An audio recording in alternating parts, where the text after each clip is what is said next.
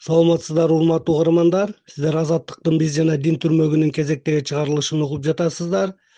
Бүгүнкү биздин коногубуз кыргызстан мусулмандарынын аалымдар кеңешинин мүчөсү муфтияттын фатва бөлүмүнүн адиси токтогазы уулу бактияр берүүнү мен канатбек мырзахалилов алып барамын. Биз жана дин.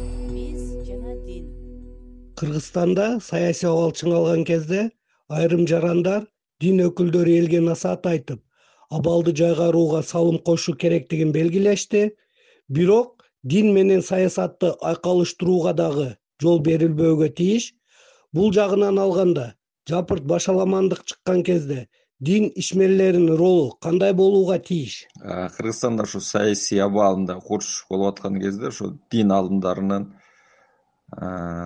диний кызматкерлердин максаты бул тынчтык жана биримдикти сактоо болуп эсептелет кыргызстан мусулмандар дин башкармасына караштуу ошол биздин аалымдарыбыз бул жаатта өздөрүнүн колдон келген аракеттерин баардыгын жумшашты ошол эле соц тармактардан кайрылып билдирүүлөр жасашып биздин колубуздан эмне келет ошону биз э, жапырт э, кылдык башаламандык э, тартип бузуулар болуп турганда сөзсүз түрдө ошол диний кызматкерлер имамдар э, сөзсүз түрдө өздөрүнүн позициясын билдирип тартипке мыйзамдуулукка чакырып э, башаламанды токтотууга аракет кылуу керек. Бул сөзсүз түрдө болбосо бирден бир негизги ошол имамдардын диний абройлуу аалымдардын милдети болуп эсептелет. Себеби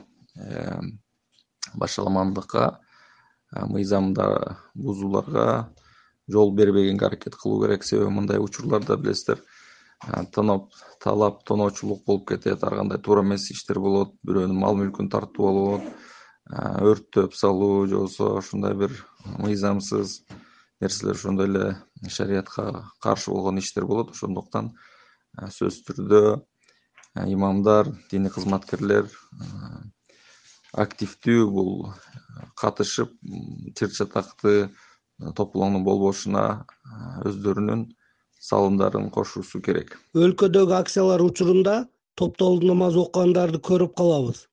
Бул көрүнүш абалга канчалык таасир этет.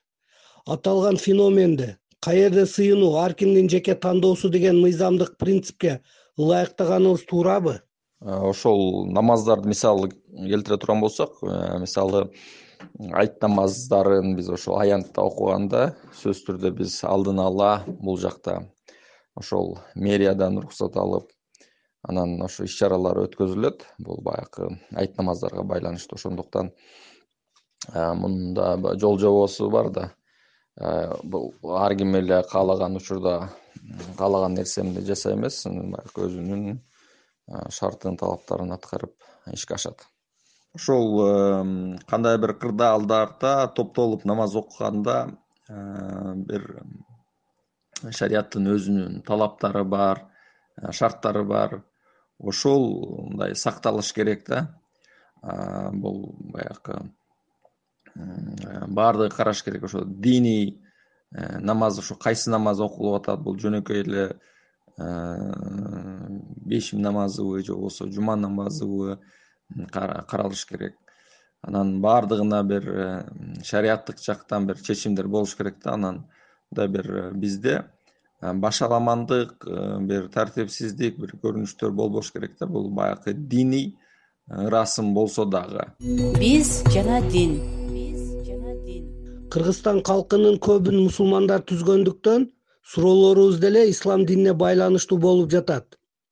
Жума хутбаларында элге айтылуучу кеп кеңеш насааттар муфтияттын алдын ала планы боюнча жүргүзүлөт эмеспи? Жагдайга жараша хутба темасы өзгөртүлүүгө тийишпи?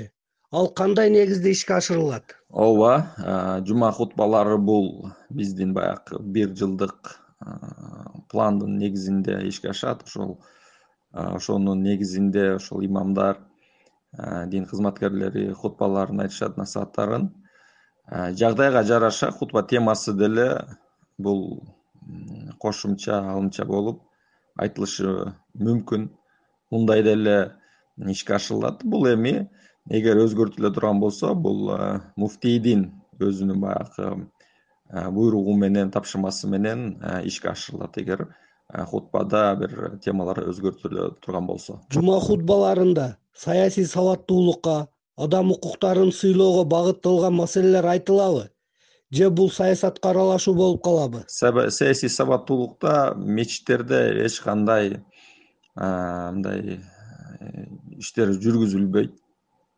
Себеби билесиздер баягы биздин диний кызматкерлери э, саясатка байланыштуу же саясат туурасында айтууга бул жерде же болбосо саясий бир кайсы бир саясий өңүттө бир э, чакырыктарды жасаганга уруксат берилинбейт ошондуктан мындай иштерди баягы биздин тиешелүү болгон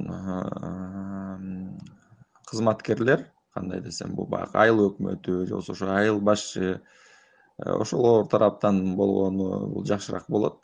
Ал эми ошол адам укуктары башка диндеги адамдардын өкүлдөрүн сый урмат менен мамиле кылуу бул туурасында бизде бул бар бул имамдар хутбаларда өздөрүнүн сабактарында айтып келишет. Биз жана дин. Биз жана дин. Урматтуу угармандар сиздер азаттыктын биз жана дин түрмөгүнүн кезектеги чыгарылышын уктуңуздар. Биздин суроолорго кыргызстан мусулмандарынын аалымдар кеңешинин мүчөсү муфтияттын фатва бөлүмүнүн адиси токтогазы уулу бактыяр жооп берди. Берүүнү мен канатбек мырзахалилов алып бардым. Саламатта калыңыздар